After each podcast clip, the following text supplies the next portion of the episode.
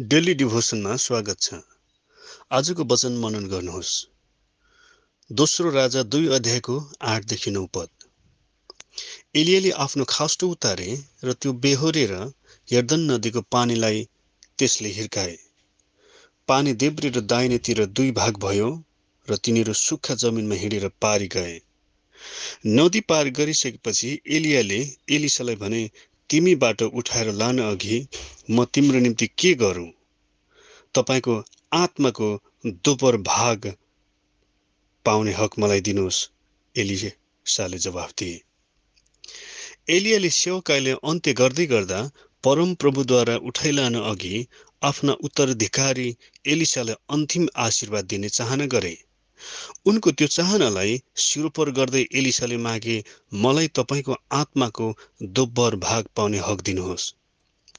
एलिसालाई आफ्ना आत्मिक बाबुसँग हुन लागेको बिछोड थाहा थियो।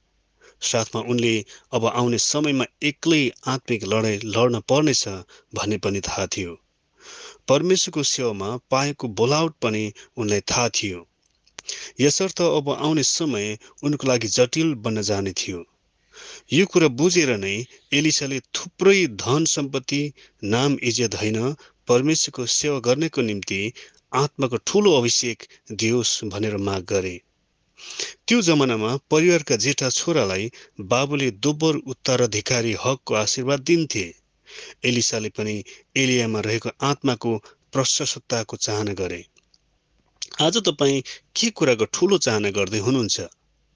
तपाईँ पनि प्रत्येक ए पनि एलिसा आउने समयमा गर्न लागेको झैँ आत्मिक लडाइँको निम्ति चुनिएको व्यक्ति हो। यसर्थ तपाईँले पनि आत्मिक आशिष र अभिषेक माग्नुहोस्।